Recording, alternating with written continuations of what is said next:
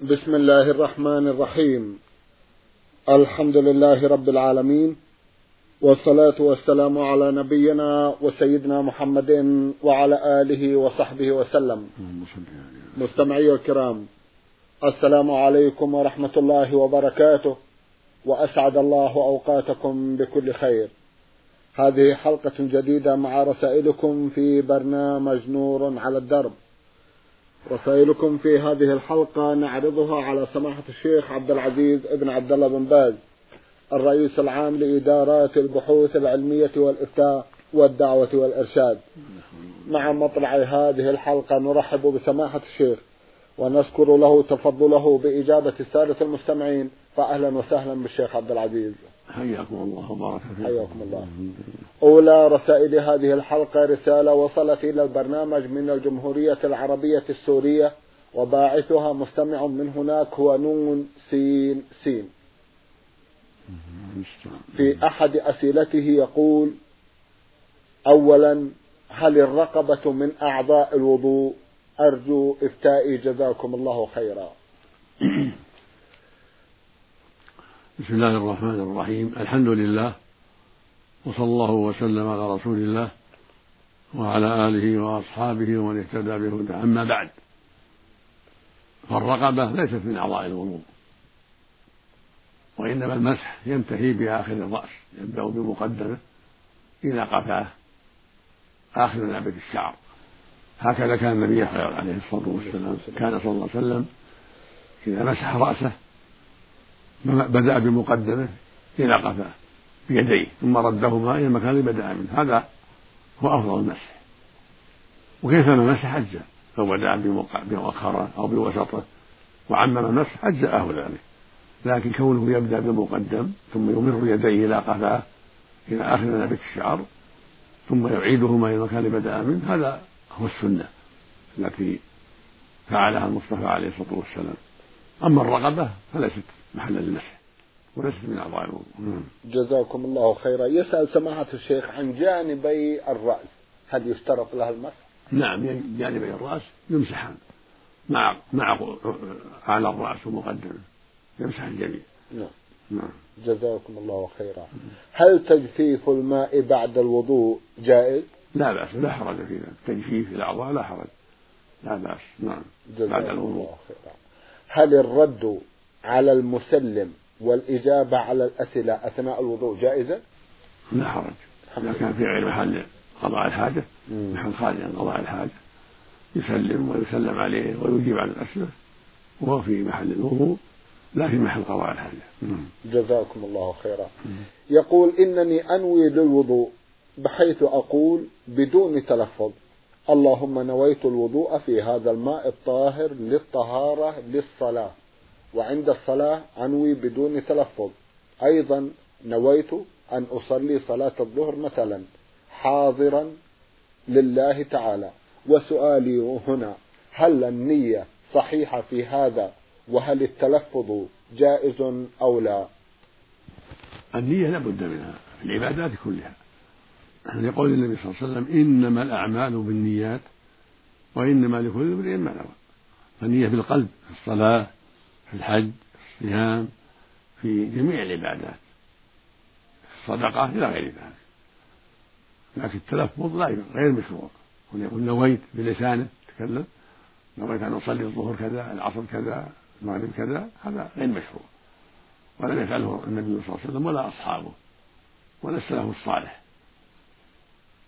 وإنما النية بالقلب. كما يفعله بعض الناس يقول نويت أن أتوضأ كذا نويت أن أصلي الظهر أربع ركعات إماما أو مأموما إلى آخره كل هذا كل هذا لا أصل له بل من البدع. وإنما النية تكون بالقلب لا باللسان. نعم. جزاكم الله خيرا. يقول إنني أعيد قراءة الفاتحة عدة مرات أثناء الصلاة لأنني أخطئ في قراءتها. فما حكم ما فعلت. هذا غير مشروع. السنة تقرأ مرة واحدة. تقرأها قراءة مرتلة تدبرها وتعقلها حتى تؤدي الحروف كما ينبغي. أما التكرار فمكروه. لكن إذا غلطت فيها تعيد ما غلطت فيه. إذا غلطت في آية تعيد الآية وما بعدها. أما أن تكررها يعني من باب الوسوسة هذا لا لا ينبغي بل هو مكروه. وكذلك من باب الاحتياط مكروه. كان النبي يقرأها مرة واحدة عليه الصلاة والسلام. وهكذا أصحابه رضي الله عنهم وأرضاهم. والخير كله في اتباعه صلى الله عليه وسلم واتباع أصحابه. والبدع كلها شر. فأنت إذا تيقنت غلطا في آية فعيد الآية بإصلاح الخطأ. ولا تعيد السورة كلها. فإذا قلت مثلا إياك نعبد تعيد تقول إياك نعبد. أو قلت اهدنا الصراط المستقيم تقول تعيدها اهدنا الصراط المستقيم. مع أن الرفع لا يضر في هذا. ما يحل ما يخيل ما, ما يغير المعنى. أو قلت الحمد لله رب العالمين ثم انتبهت وعدت قلت الحمد لله رب العالمين بالخفض هذا هو الصواب. ولكن النصب لا يضر. لو قلت الحمد لله رب العالمين ما يضر الفاتحة لأن المعنى لا يتغير. أو قلت الحمد لله رب العالمين ما يضر المعنى. فالحاصل أن اللحن الذي لا يغير المعنى ولا يؤثر المعنى لا يضر القراءة. لكن لو أعاد الآية فأصلحها على الوجه الأكمل لا بأس. أما الذي يحيل المعنى لا بد من إعادة الآية. لو قرأ أهدنا فتح الهمزة أهدنا يعيد الآية يقول اهدنا يعيدها بكسر الهمزة اهدنا الصراط المستقيم. أو قرأ إياك نعبد غلط يخاطب امرأة ما يصلح. لو يعيد القراءة يقول إياك نعبد. أو قرأ صراط الذين أنعمت هذا غلط. يعيد الآية يقول صراط الذين أنعمت يخاطب الرب جل وعلا. أو يقول أنعمت هذا غلط. خطاب مرة. هذا يعني ضمير المرأة كان أنعمت ما يجوز. غير المعنى لابد يعيد الكلمة. يقول صراط الذين أنعمت عليهم. خاطب الرب جل وعلا هو المنعم سبحانه وتعالى. فالحاصل أن اللحن الذي يغير المعنى يجب أن نعيد الآية حتى يصلح اللحن. ولا حاجة إلى أن يعيد السورة كلها نعم. جزاكم الله خيرا. يقول إذا نسيت السجود في الركعة الأولى ولم أذكر إلا عند الشروع في الركعة الثانية فهل آتي بركعة أخرى قبل التشهد الأخير أم بعده قبل السلام؟ نعم. يقول إذا نسيت سجودا في الركعة الأولى ولم أذكر إلا عند الشروع في الركعة الثانية. فهل آتي بركعة أخرى قبل التشهد الأخير أم بعده قبل السلام؟ إذا ذكرت السجود قبل الشروع تأتي بالسجود. إذا سجدت سجدة واحدة ثم أردت النهوض تحسب أنك سجدت الثانية ثم انتبهت تسجد الثانية ولا تنهض. ولو نهضت ترجع. تأتي بالسجود الثاني سواء نبهك المأمومون أو انتبهت أنت لنفسك كنت إماما أو مأموما أو منفردا ترجع. تأتي بالسجود. لكن إذا كنت شرعت في القراءة تستمر في صلاتك تزيد ركعة بدل الركعة التي بطلت. تزيد ركعة أخرى بطل بدل الركعة التي تركت سجودها. كأنها معدومة. وتسجد السهو إن كنت إماما أو منفردا. تجد السهو إن كنت إمام إماما أو منفردا. أما إن كنت مأموما فإنك إذا سلم إمامك تقوم وتأتي بركعة بدل الركعة تركت منها السجود وتسلم وليس عليك سجود للسهو لأنك تبع الإمام. من أول الصلاة. أما إن كنت لا مسبوقا بركعة أو بركعتين فإنك تكمل وتسجد السهو بعد بعد التكميل. أما إذا كنت مع الإمام من أول الصلاة ونسيت السجدة ما ذكرتها إلا وأنت مع الإمام قائم القراءة فإنك تأتي بركعة بعد سلام إمامك.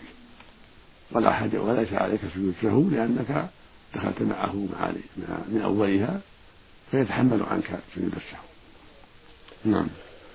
جزاكم الله خيرا من جمهورية مصر العربية المستمعة. فا ميم ميم من دمياط بعثت برسالة ضمنتها جمعا من الأسئلة من بينها سؤال ملخصه أنها مخطوبة لابن عمها وترجو أن يكون قد تاب عما كان يرتكب من المعاصي كتركه للصلاة. وهي تقول إنها كانت تاركة للصلاة وغير محتجبة إلا أنها الآن احتجبت وبدأت تصلي. وترجو سماحة الشيخ التوجيه فيما ينبغي للمخطوبين أن يكون عليه. جزاكم الله خيرا. إذا كان جميعا إذا كنتما جميعا حين النكاح لا تصليان فالنكاح صحيح. كما لو كما لو كنتما تصليان النكاح صحيح. وعليكم ما عليكم تقوى الله والاستقامة على دينه والتعاون على البر والتقوى وسؤال الله التوفيق سبحانه وتعالى. هكذا المؤمن والمؤمنة يجتهدان في الاستقامة على أمر الله والمحافظة على دينه من الصلاة وغيرها مع سؤال الله الثبات على الحق والإعانة على الخير. أما إن كان أحدكما حين النكاح لا يصلي والآخر يصلي فإن الراجح من قولي العلماء في هذا أن عليكما أن تعيدا النكاح لأن ترك الصلاة كفر أكبر في أصح قولي العلماء وإن لم يجحد التارك الوجوب فإذا كان أحدهما يصلي والآخر لا يصلي عند عقد النكاح فإنه يجدد النكاح بعدما تبتما بعدما تاب الذي لا يصلي وصلى يجدد النكاح. لعقد جديد ومهر جديد وولي وشاهدي عدل يحفظان النكاح. والمهر ولو قليلا الذي ترضى به المرأة ولو قليلا. ويجدد العقد من الولي وزوجته وقبلت حضرت شاهدين عدلين. في الحال لا يحتاج تأجيل. متى علم الحكم الشرعي بادر بعقد النكاح يمتنع عنها حتى يجدد النكاح هذا هو الصواب في هذه المسألة. نعم. سماحة الشيخ هما لا زال في دور الخطبة ويسألان عن الشروط الواجب اتباعها أو توفرها في كل من الخاطب والمخطوب إذا كان لم يتم النكاح ولم يتم العقد فعليهما جميعا التوبة إلى الله من تقصيرهما وأن يحافظا على الصلوات خمس فإذا علم كل واحد من صاحبه أنه مستقيم فليتزوجا إذا علم الزوج أن المرأة مستقيمة وهي كذلك علمت أنه مستقيم الحمد لله. بعدين يجرى النكاح.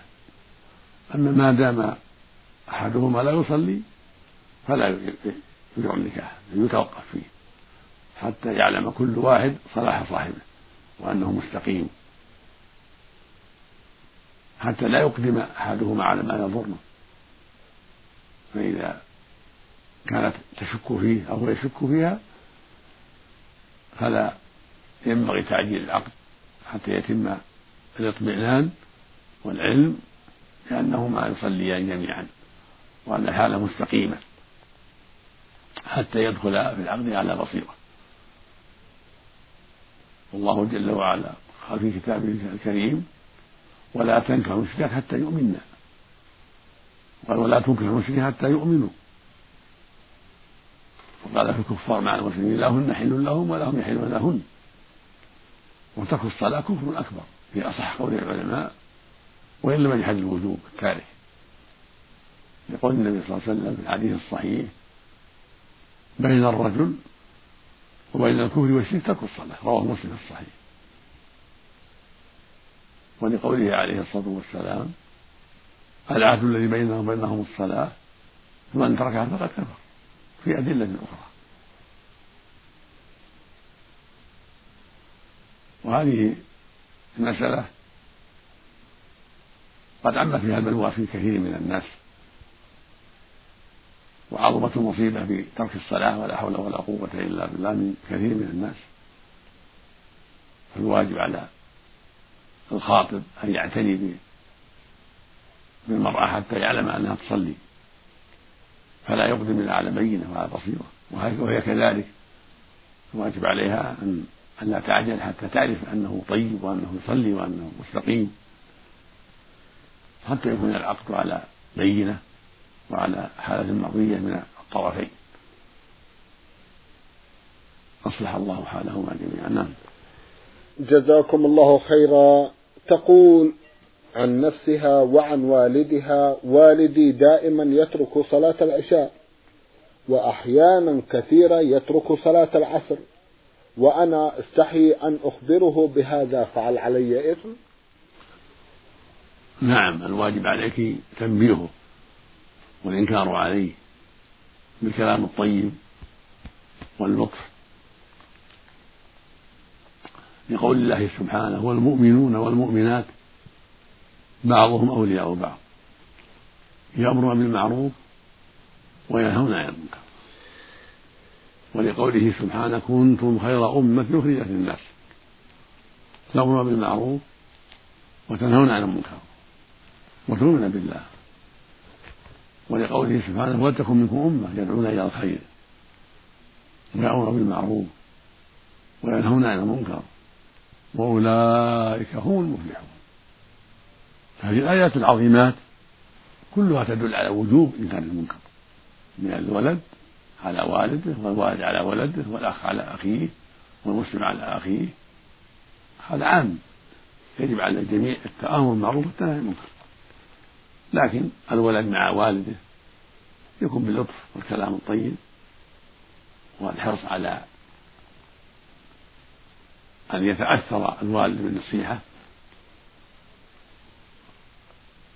ولا مانع أيضا من الاستعانة ببعض الأقارب والأصدقاء الذين يجلهم. تارك الصلاة حتى ينصحوه. حتى يوجهوه حتى يعينه على نفسه وعلى شيطانه وهكذا كل أمر وناهي يتوخى الأسلوب المناسب. ولو كان غير ولد يتوخى الأسلوب المناسب الذي يرجو أن ينفع الله به. فالشده في محلها واللي في محله. الأسلوب الحسن هو المطلوب وإذا عاند تارك الصلاة يستعمل معه الأسلوب الشديد إذا كان الآمر والناهي له سلطة له قوة. فيستمع فيستمع معه الأسلوب الشديد والعقاب أيضا إذا استطاع العقاب حتى يستقيم.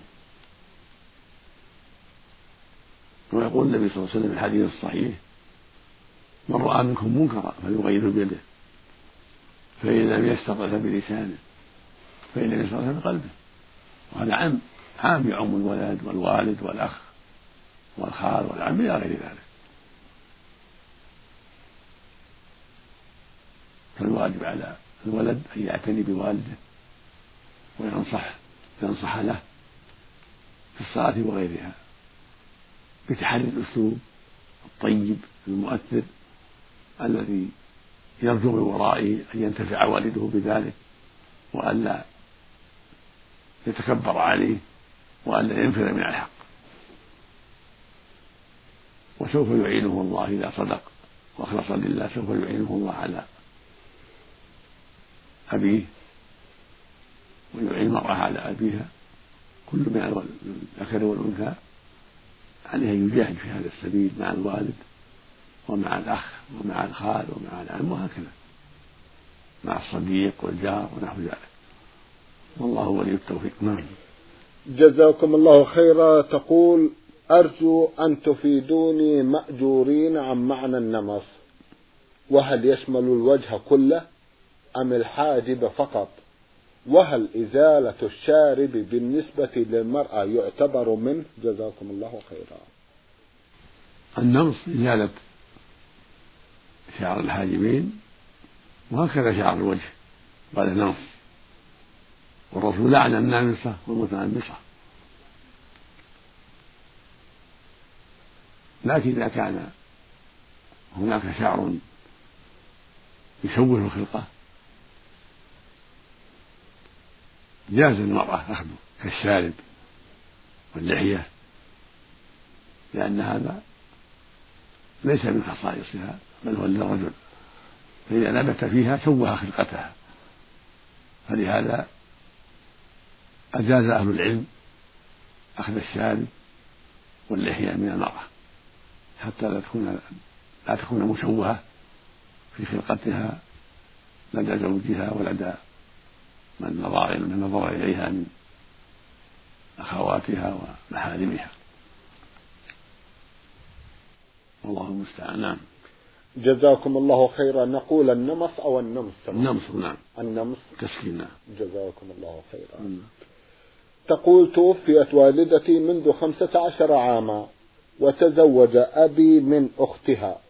ومنذ أن تزوجها أبي وهي لا تصلي ولم أرها صلت ولو مرة واحدة رغم ما قلت لها رغم ما قلته لها من عقوبة تارك الصلاة. وهي لا تصلي كسلا وتهاونا.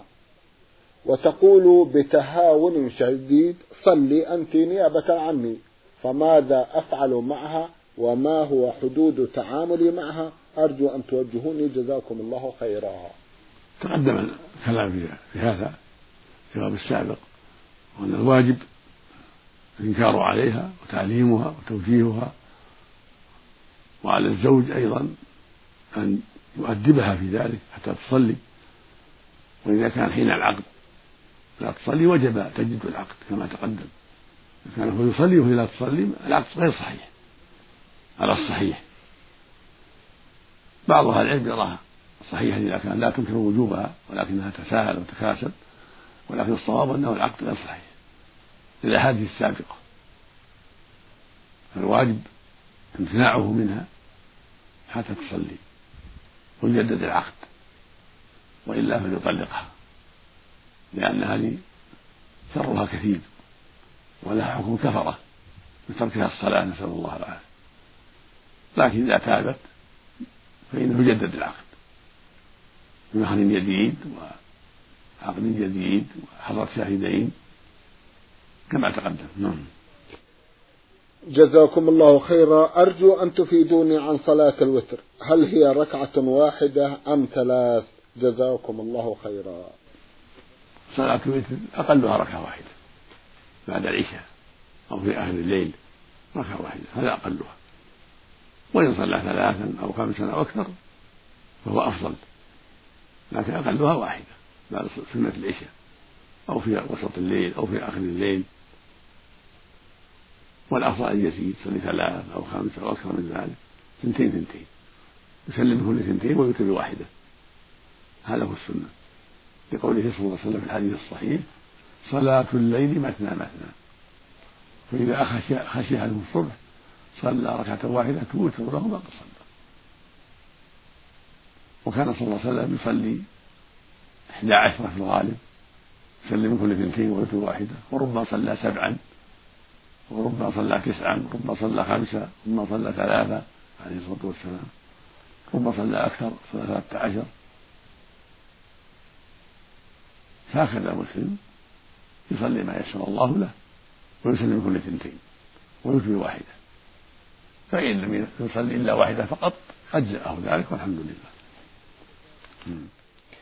جزاكم الله خيرا. المستمع ألف جيم غين يمني الجنسية بعث يسأل عن تفسير بعض الآيات بدأها بقوله تعالى وهل أتاك نبأ الخصم إذ تسوروا المحراب يقول أرجو أن تفسروا هذه الآيات إلى قوله سبحانه فاستغفر ربه وخر راكعا وأناب.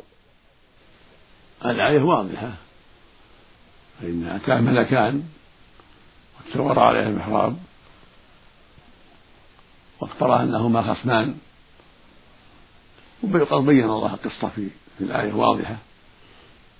سبحانه وتعالى وبين داود ما رآه في موضوعهما. فليس في الآية إشكال.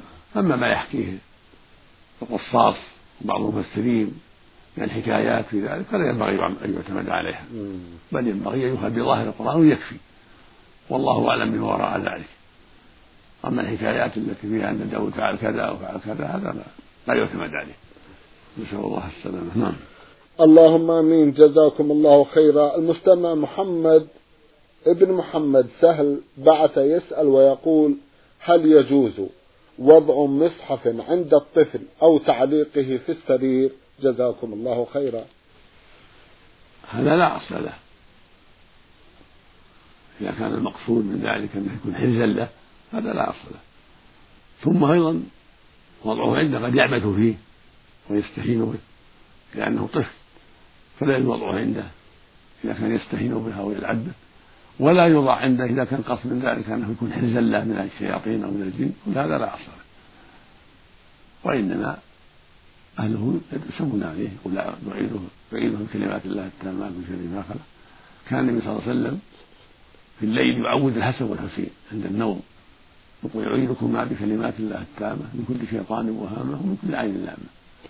فوالده أو أمه تقول له عند عند النوم أعيذك بكلمات الله التامة من شر ما خلق أعيذك بكلمات الله التامة من كل شيطان وهامة ومن كل عين لامة.